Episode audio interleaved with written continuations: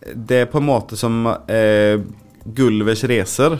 Eh, der han reser rundt i forskjellige verdener der det er kjemper og hestmenn og alt mulig. Men her er det i, en annen, i forskjellige galakser, da. Hei og velkommen til Sølvbergets podkast. Jeg heter Åsmund Odnøy og sitter sammen med lysets fyrste, Thomas Gustafsson.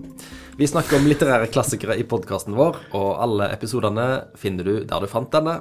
Og har du kommentarer, så send de til podkast.solberget.no. Vi svarer på alt og blir glad for all form for tilbakemelding.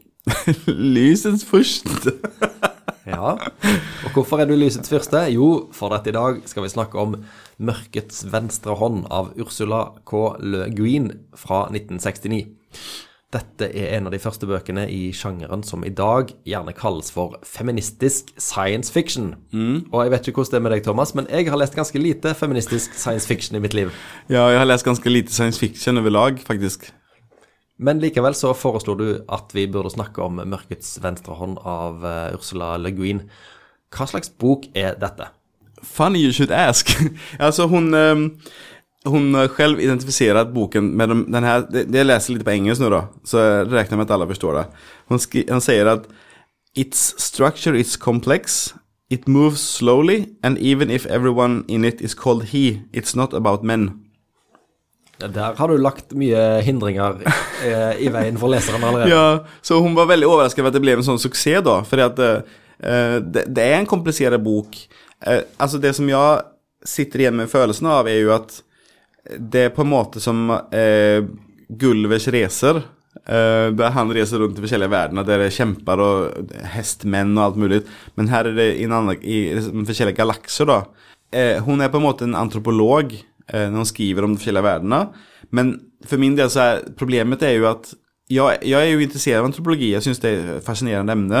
Men når noen skal liksom skrive antropologisk om ting som ikke fins, så forsvinner litt av Jeg hadde litt vanskelig for å ta det til meg, liksom, kjenner jeg. Men selve grunnfortellingen er jo veldig bra. Det er, en, det er en spennende og interessant fortelling, bare at den drunkner litt i liksom antropologi, kan man si. Ja, jeg forstår hva du mener. For jeg, jeg, har jo òg lest litt science fiction, men, eh, og fantasy for den saks skyld. Jeg vil jo tro at enhver bok i denne sjangeren må på en måte fortelle oss som leser, eh, hvordan dette universet fungerer. Mm. Eh, hvis du leser en, en norsk samtidsroman, så forstår jeg eh, hva som skjer, for jeg bor i dette landet, eller jeg bor i denne tida. Men ja. å, å, fortelle om eh, hvordan eh, ting henger sammen i en oppdikta planet, hvor, hvor, hvor, alt er forskjellig fra hos oss, eh, det tar det litt tid før det skjer i, det, i uh, Mørkets venstre hånd. Ja, altså for min del så ja, Jeg har ikke veldig behov av å kunne kjenne igjen, meg igjen, men det som hun gjør, er at hun går veldig på på djupet da. Hun, eh, hun, er jo Hun lemner liksom tolken langt bak seg når det gjelder å gå inn i materien. Hun, hun skriver liksom lange sånn utlegninger om mytologien i denne verden vi er i. Og, og for det første så Denne boken inngår i en serie eh, eh, om en, en, verden som Der alle mennesker kommer fra en planet som er Jeg husker ikke hva den heter. Eh, men, eh, og så har de blitt liksom spredd ut over eh, masse, masse planeter. Og så utspiller seg denne fortellingen de utspiller seg når menneskene begynner finne sammen igjen. Så det finnes en sammenslutning av forskjellige planeter.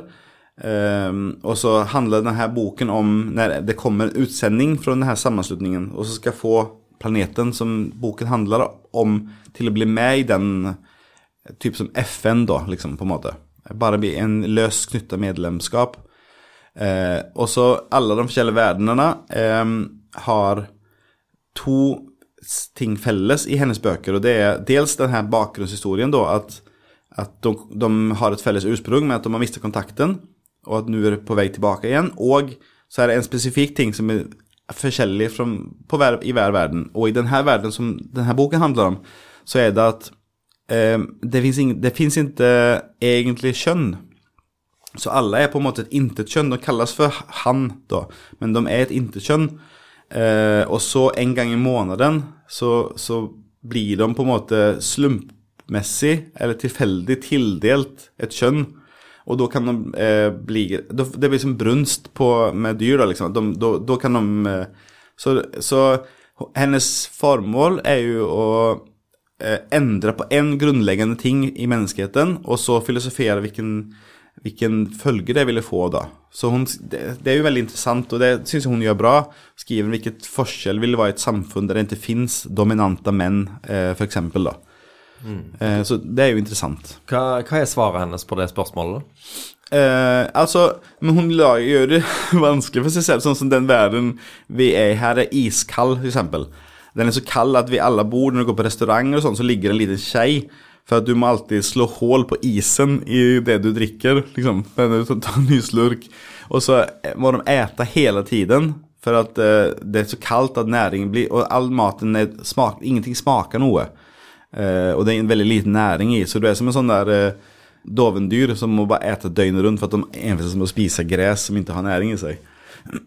Så hun, hun, hun legger til som forutsetninger som gjør det litt vanskelig, men det, det er relativt fredelig, og det er ikke Det er ingen sånn dominanta Det er ikke et dominant kjønn, på en måte, for det kan være plutselig at du er sånn intetkjønn, og så plutselig så er du en kvinne eller en mann i noen dager.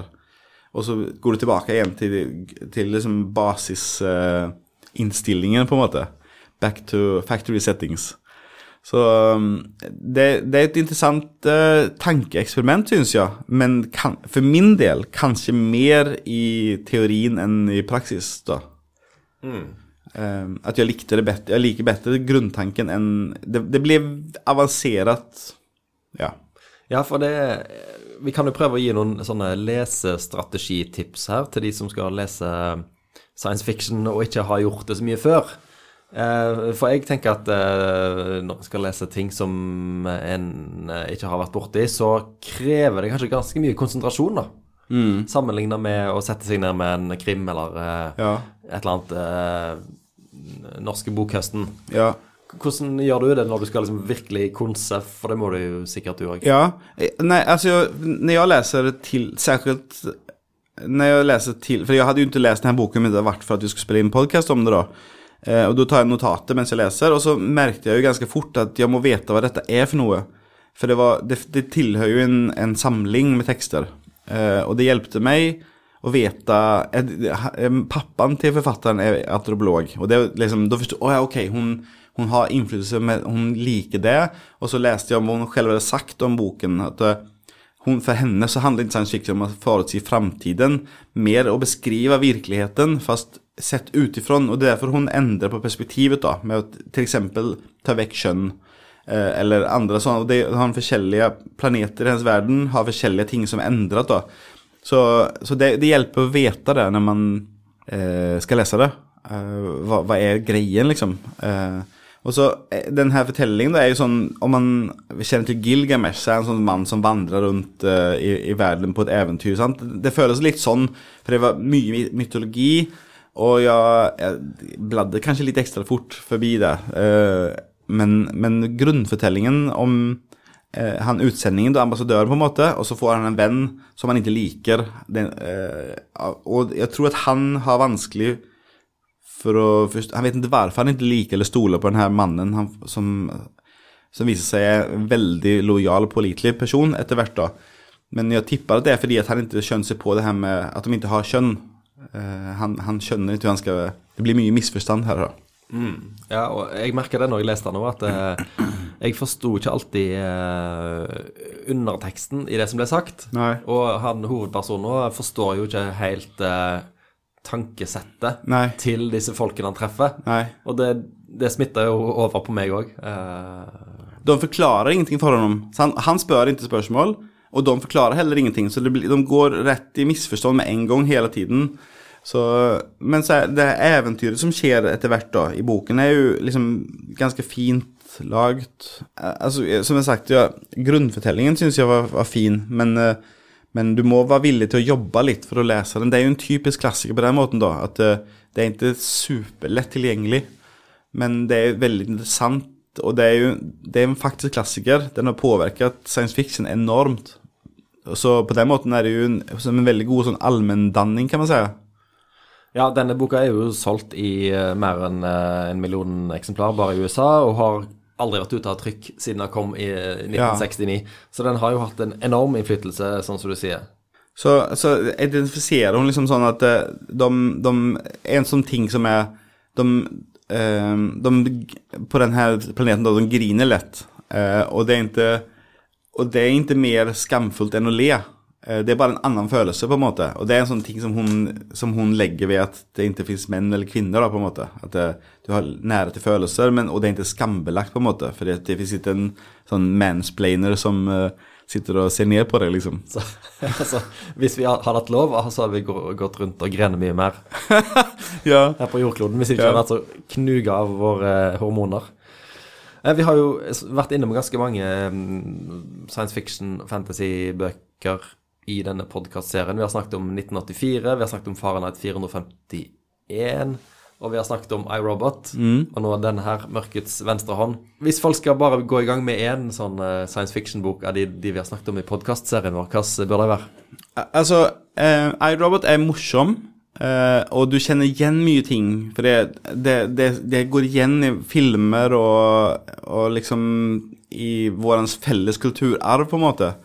Den her Left Hand of Darkness er mer sånn en innflytelsesrik og interessant studie, en filosofisk studie som, som en åpenbart veldig intelligent eh, person har skrevet. Og um, Fahrenheit er veldig vakker, veldig mørk, dyster eh, og superinteressant bok med For eh, mange som leser den, tenker at han var ute etter å kritisere fascismen, f.eks. Men det han egentlig var ute etter å kritisere, var TV.